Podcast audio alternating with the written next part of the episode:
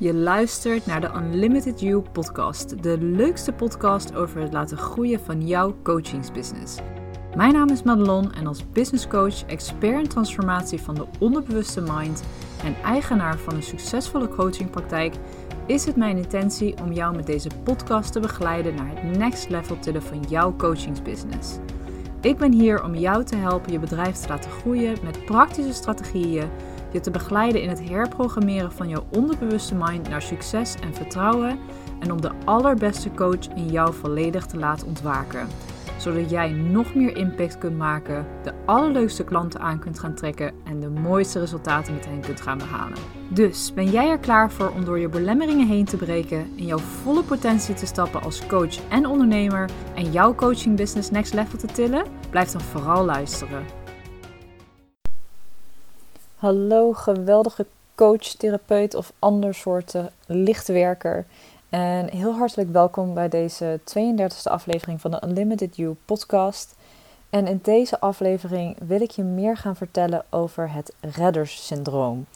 En dit is iets wat ik heel vaak zie bij andere coaches of therapeuten. En dat is dat zij andere mensen heel graag willen helpen of misschien zelfs willen redden.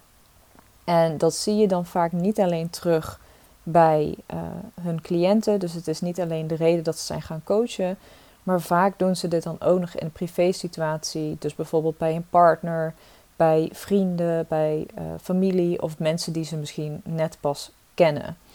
En dat kun je bijvoorbeeld merken doordat je uh, met een vriendin dan afspreekt en het eigenlijk alleen maar dat die vriendin haar hele levensverhaal bij je neerlegt en jij bent eigenlijk alleen maar het luisterend oor, degene die advies geeft, de, de, degene die hulp vraagt uh, of biedt. Terwijl wanneer het een keer over jou gaat, dan wordt er heel snel over je heen gesproken of er wordt eigenlijk niet echt aandacht aan besteed. Dan kan het zijn dat je te maken hebt met deze valkuil. En daarop zit overigens echt vanuit mijn kant totaal geen oordeel. Want dit is 100% een van de allergrootste thema's waar ik heel, heel, heel lang mee heb geworsteld. En heeft er eigenlijk ook onder andere voor gezorgd dat ik een burn-out heb gekregen. Uh, dat ik meerdere narcistische relaties achter de rug heb. Uh, dat ik heel veel, uh, nou ja, toch wel richting de narcistische vriendinnen heb gehad. Um, en dit komt doordat dit soort mensen, dus echt de mensen die een narcistische persoonlijkheidsstoornis hebben, eigenlijk heel goed gaan op mensen die veel willen geven. Die willen redden, die zichzelf dienstbaar opstellen naar de ander. Die denken dat ze een ander wel zouden kunnen veranderen of hebben hoop dat ze een ander kunnen veranderen. Of dat ze een ander wel kunnen redden of door een bepaalde situatie heen kunnen trekken. En dat gebruikt zo iemand uh, feilloos om je te binden eigenlijk aan hen. Daar gaat deze podcast niet over, dus ik ga daar niet verder op in. Maar misschien is het wel een herkenbaar thema ook in jouw leven. En dan is het zeker heel zinvol om deze podcast even te luisteren. Want ik ga je meenemen in waar het vandaan komt. Waar komt het reddersyndroom nou eigenlijk vandaan? En natuurlijk ook wat je kunt doen om het op te lossen. Of in ieder geval te gaan doorbreken voor jezelf. Um, wat je merkt wanneer je um, heel erg in het redden gaat of in het helpen gaat, is dat je waarschijnlijk allerlei mensen in je leven hebt aangetrokken die hier heel lekker op gaan. Die vinden dat heel prettig.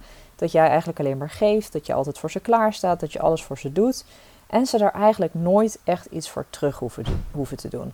En eigenlijk word je in de kern gewoon gebruikt. Ze bellen jou wanneer het niet lekker gaat. Willen je dan spreken, willen je zien, uh, whatever. En leggen eigenlijk hun hele uh, nou ja, bagger bij jou neer. Hun hele uh, probleemleven leggen ze bij jou neer. Um, maar jij gebruikt hen eigenlijk op jouw beurt ook weer. En dat ga ik zo verder toelichten hoe dat precies werkt. Dit kan mogelijk wat weerstand bij je opwekken. Dat je denkt van ja, maar hallo, ik sta toch altijd voor een ander klaar. En als ik een keer om hulp vraag, dan is er niemand. Hoezo gebruik ik hen en op welke manier dan? Dat komt straks aan bod. Probeer een beetje open-minded te blijven terwijl je deze podcast luistert. Want hij kan best wel triggerend zijn, dat snap ik.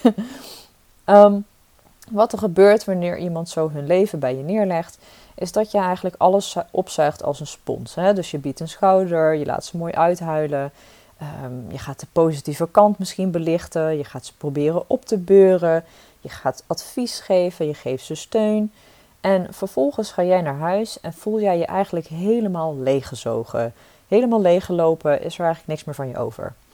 En dikke kans dat je zelfs hun problemen, uh, dat die nog heel lang in je hoofd blijven ronddwalen. Of dat je er misschien zelfs wel slaap over verliest of van droomt. Ehm, en de ander die voelt op zijn of haar beurt eigenlijk verlichting. Want die is het even kwijt. Die heeft even zijn nou ja, shit eigenlijk aan jou kunnen afvegen. Maar dat zal altijd van tijdelijke aard zijn. Hetzelfde patroon komt gewoon weer opnieuw terug. Uh, waarschijnlijk heb je honderdduizend keer dezelfde soort gesprekken met dit soort mensen. Dat zal je vast herkennen. Wat uiteindelijk natuurlijk ook leidt uh, tot dat jij gewoon enorm gefrustreerd wordt, omdat het niet lijkt te werken wat jij die mensen biedt. Dat jouw advies niet opgevolgd wordt, dat ze nooit naar je luisteren. Het, er is niks veranderd in het leven van die ander. Nou, dat zorgt weer voor frustratie. Het zorgt bij die ander voor frustratie, omdat jij maar iedere keer blijft uh, adviseren. Terwijl ze daar misschien wel helemaal niet om vragen. Uiteindelijk is zo'n uh, vriendschap of relatie gedoemd te mislukken. En dit zegt natuurlijk iets over die ander. Die ander heeft natuurlijk zijn of haar patronen waar ze in vastzitten, zijn of haar gedragingen waar ze in vastzitten. Maar veel interessanter is om te kijken wat het zegt over jou. Want daarmee zorg je ervoor dat je zelf de verantwoordelijkheid neemt over jouw aandeel in deze situatie. En dat geeft uiteindelijk altijd kracht. Dat wil niet zeggen dat je alle verantwoordelijkheid moet nemen, want er zijn altijd twee mensen uh, in een bepaalde situatie. En dat is ook weer een manier van zelfbescherming op het moment dat je alle schuld op je neemt. Nee, je laat het aandeel van die ander bij de ander en je pakt de verantwoordelijkheid op voor het aandeel wat je zelf hebt in die situatie. Het hele patroon van willen redden, uh, willen helpen, is namelijk een manier voor jezelf om onschuldig te blijven. Datzelfde geldt natuurlijk ook het willen helpen, willen redden. Wat er heel vaak bij hoort, is dat je heel erg gaat pleasen dat je alles gaat doen om die ander naar de zin te maken en daarmee eigenlijk vergeet wat je eigen verlangens zijn, je eigen behoeftes zijn. Uh, wanneer bijvoorbeeld een vriendin voor de vijfde keer belt in die week met een uur uh, aan de telefoon met, uh, met een heel verhaal. Eigenlijk heb je daar misschien helemaal geen zin in, maar toch neem je maar op en luister je ernaar omdat je graag wilt dat zij haar ei kwijt kan. En dit patroon is absoluut een manier om onschuldig te blijven. En dat ga ik verder toelichten, hoe dat precies werkt. Want wat je daarmee eigenlijk doet, is, te is voorkomen dat jij schuldgevoel gaat voelen. Um, je hoopt daarmee te bereiken dat je wordt gezien als een goed mens, als iemand die, uh, waar anderen op kunnen rekenen, um, die het uh, verdiend heeft om gewaardeerd te worden, gerespecteerd te worden. Maar je bent geen goed mens omdat je zo klaar staat voor andere mensen. Je verdient ook helemaal niet uh, doordat je dat doet. Je hebt niet ineens ergens recht op, maar dat hoop je er stiekem wel mee te bereiken. Dus wat je doet uh, is niet onvoorwaardelijk. Je verwacht er namelijk iets voor terug. Je, je hoopt erkenning te krijgen, je hoopt waardering te krijgen voor de dingen die je doet, of je hoopt dat je misschien bepaalde kansen of mogelijkheden krijgt. Um, en jij hoopt eigenlijk door je zo dienstbaar op te stellen dat je dan de titel goed mens hebt verdiend. En familiesystemisch gezien blijf je dan dus onschuldig. Je wilt namelijk niet het schuldgevoel onder ogen komen van voor jezelf kiezen en een keer nee zeggen. Want daar hoort dus onlosmakelijk, onlosmakelijk hoort daar schuldgevoel bij.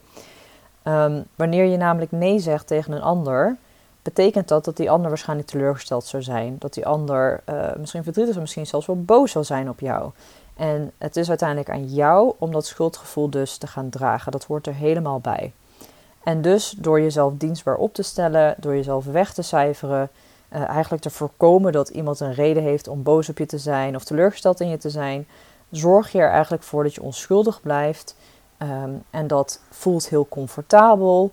Uh, maar je kiest er daarbij ook meteen voor dat je eigenlijk nooit werkelijk helemaal je eigen leven gaat leiden. Um, je kiest daardoor nooit echt werkelijk voor jezelf. Um, daarbij is willen helpen, willen redden, uh, altijd een behoefte naar controle. Je hebt namelijk helemaal niets te zeggen over de ander, over uh, de ander zijn of haar gevoelens, denkwijze, handelen. Dat is helemaal niet aan jou. Je hebt totaal niet het recht om daar iets over te zeggen. Daarin zit namelijk een oordeel. Je vindt iets van die ander en jij hebt eigenlijk de arrogantie om te denken dat jij dat wel even gaat oplossen. Of dat jij het wel beter weet en dat die ander eigenlijk naar jou moet luisteren, naar jouw advies of jouw helpende hand aan moet nemen. Dus het is in zekere zin altijd een behoefte naar controle wanneer je andere mensen wilt gaan helpen. Um, daarom ben ik zelf ook een tikkeltje allergisch wanneer ik bijvoorbeeld op social media uh, coaches voorbij zien komen die het hele tijd hebben over: ja, ik wil jou helpen en ik kan jou helpen en ik help jou hierbij en ik help je zus, ik help je zo. Dan denk ik alleen maar van: joh, de mensen die bij jou in coaching zitten, die doen het allemaal zelf. De transformatie maken mensen altijd zelf. Je begeleidt alleen maar een proces. Het is niet dankzij jou of door jou dat iemand geholpen is in een bepaald probleem of een bepaalde situatie. Dat is namelijk echt 100% een behoefte naar controle. En je neemt ook uiteindelijk een soort van de credits voor iets wat helemaal niet van jou is. Die ander heeft het gedaan. Je zet daarbij jouw eigen uh, cliënten veel meer in hun kracht, omdat ze het zelf doen. Zij pakken de verantwoordelijkheid, zij maken de transformatie. Jij begeleidt het alleen maar. Er zit echt een heel groot verschil tussen helpen en begeleiden. Dus wanneer jij merkt dat je heel erg mensen wil helpen, betekent dat dus dat je eigenlijk een oordeel hebt over waar zij nu staan. Wat zij nu doen, hoe zij nu denken, hoe zij, wat, wat hun overtuigingen nu zijn. En wanneer jij mensen eigenlijk nog heel veel veroordeelt en over hen oordeelt, zegt dat iets over jouw positie in het familiesysteem. En hoe schoon jij eigenlijk bent van je eigen belemmerende patronen, uh, gedragingen en trauma's. Um, voor mensen die niet weten van wat het familiesysteem inhoudt, zou ik het even heel kort uitleggen wat het nou eigenlijk is en wat ik ermee bedoel. Wil je hier meer over lezen, dan kan ik heel hard het boek uh, De Fontein aanraden van Els van Stijn. Daarin legt ze heel eenvoudig en met mooie concrete voorbeelden eigenlijk uit wat een familiesysteem is en hoe dat kan inwerken op jouw leven. Um, ik zal het nu even kort toelichten, zodat je een beetje een beeld ervan hebt, mocht je het nog niet weten. Het idee achter een familiesysteem is, is dat jij onlosmakelijk verbonden bent met jouw familie van herkomst. Via jouw ouders en jouw voorouders weer daarvoor heb jij eigenlijk het leven gekregen. Als er ook maar één voorouder niet was geweest ergens, uh, nou ja, weet ik het hoe ver terug in jouw uh, um, stamboom, dan had jij nooit bestaan. En je krijgt via dat familiesysteem dus allerlei patronen, gedragingen en overtuigingen mee. Die kunnen natuurlijk positief zijn, maar die kunnen ook zeker belemmerend zijn. En daarbij heeft iedereen in het systeem een bepaalde plek.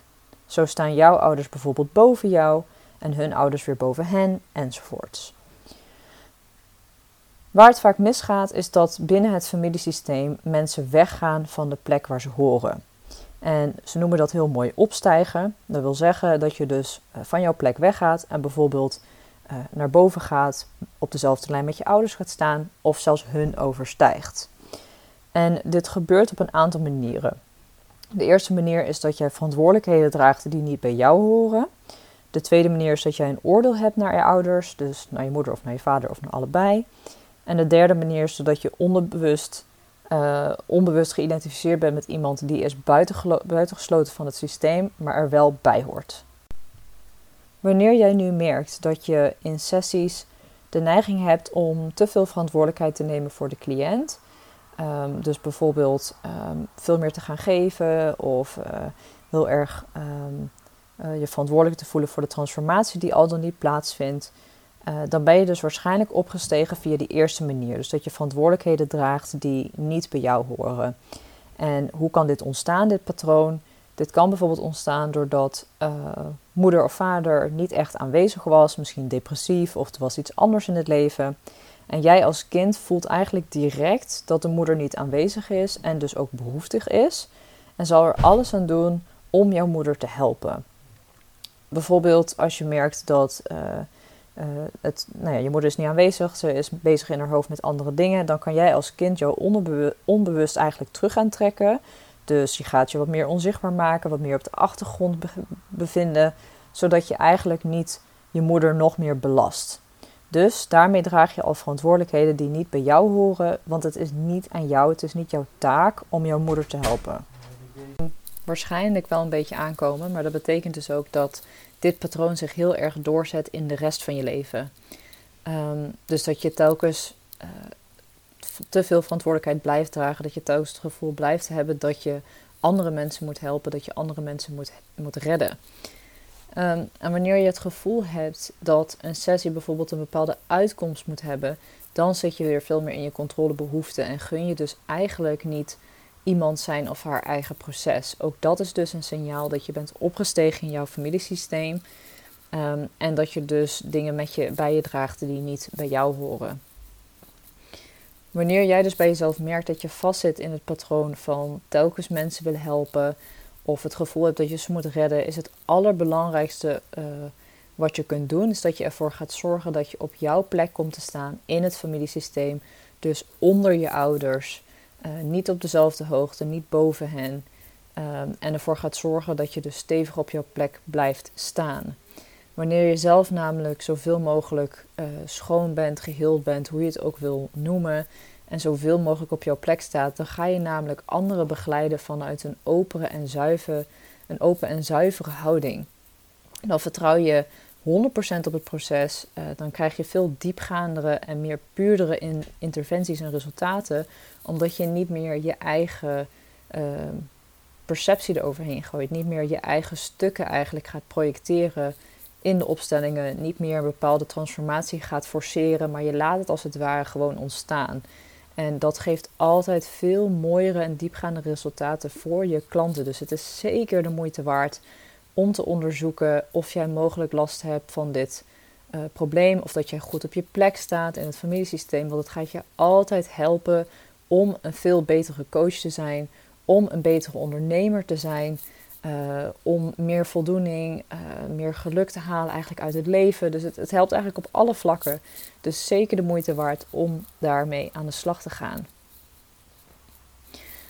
Door, uh, om te onderzoeken waar dit patroon nou eigenlijk vandaan komt en het daadwerkelijk gaan doorbreken, kun je dus het allerbeste familieopstellingen gaan doen. Um, in mijn optiek, wat ik tot nu toe heb ervaren, is dit ook de enige manier om dit echt werkelijk op diepgaand niveau eigenlijk los te laten. Dus met familieopstellingen.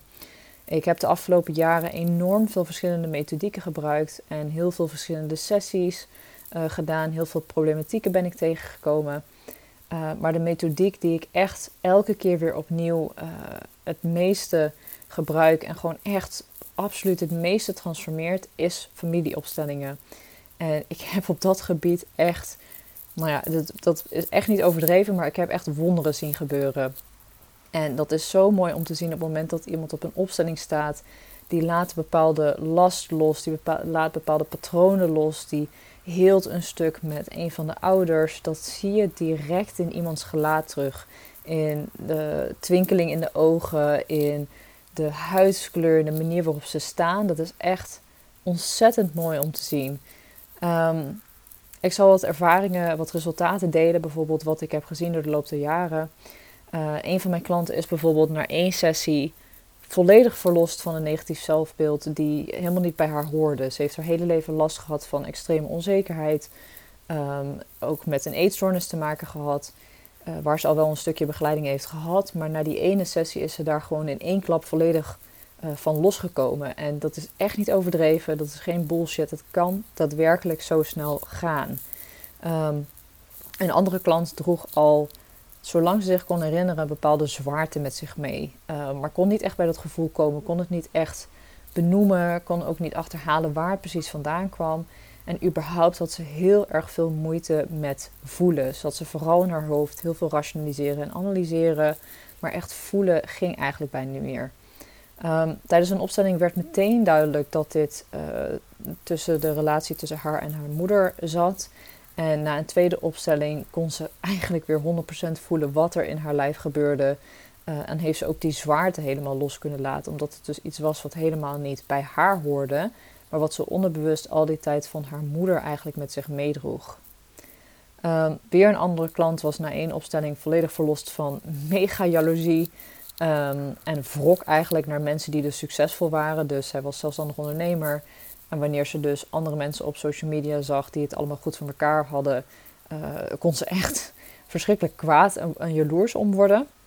Um, ook in een opstelling naar gekeken. Ook in één keer vanaf. Um, nog een andere klant doorbrak een bepaalde geldblokkade, waardoor haar bedrijf in één klap weer ging groeien, terwijl het al een jaar stil stond. Ehm, en dit soort verhalen zijn echt eerder de regel dan de uitzondering. Keer op keer op keer zie ik weer hoe impactvol zo'n familieopstelling is en kan zijn op jezelf, maar zeker ook je business. Want op het moment dat jij in het onderbewuste, in jouw onderbewuste, diepgaand patronen gaat loslaten, trauma's gaat loslaten en op jouw plek in het systeem gaat staan, daar waar je hoort, dan ga, ga jij niet alleen als mens enorm groeien en daar dus ontzettend de vruchten van plukken in je privéleven, in, uh, uh, in de, uh, de mate waarin je echt emoties kunt ervaren en voelen en geluk kunt voelen en liefde kunt voelen. maar ook je bedrijf groeit gewoon keihard met je mee. En daarom geloof ik ook zo sterk in um, het inzetten van familieopstellingen in mijn trajecten met de coaches waar ik mee werk, omdat het 100% bijdraagt aan de groei van je bedrijf, maar ook aan uh, de, kwaliteit van coaching die je doet, de resultaten die jij gaat behalen met je klanten en gewoon algeheel in je hele leven gewoon heel veel uh, kan bijdragen. Wat er ook weer voor zorgt natuurlijk dat je diezelfde energie weer uit gaat dragen in je bedrijf. Dus ik ben er heilig van overtuigd dat iedereen dit zou moeten doen. Um, ben jij nou ook benieuwd wat het voor jou en je business zou kunnen betekenen? Dan nodig je echt heel graag uit voor een gratis 1 op 1 inzichtsessie. Uh, die kun je gewoon via mijn website aanvragen of stuur mij gewoon even een DM'tje via Instagram. Dat mag ook altijd. Um, ik kijk er heel erg naar uit. Ik hoop jij ook. Voor nu wil ik het hierbij laten. Ik hoop heel erg dat ik je inzichten heb kunnen geven in hoe zo'n familiesysteem werkt en hoe dat kan uitwerken op jouw um, eigen onderbewuste patronen. Um, ik vertrouw erop dat jouw onderbewuste datgene eruit pikt en dat zaadje is geplant wat geplant moest worden. Volg mij vooral op Instagram. Mijn accountnaam is Madonnalissa voor meer kennis over coachingmethodieken, je praktijk laten groeien en natuurlijk een kijkje in mijn leven. Voor nu wens ik je een hele mooie en liefdevolle dag en heel graag tot de volgende aflevering. Doei doei!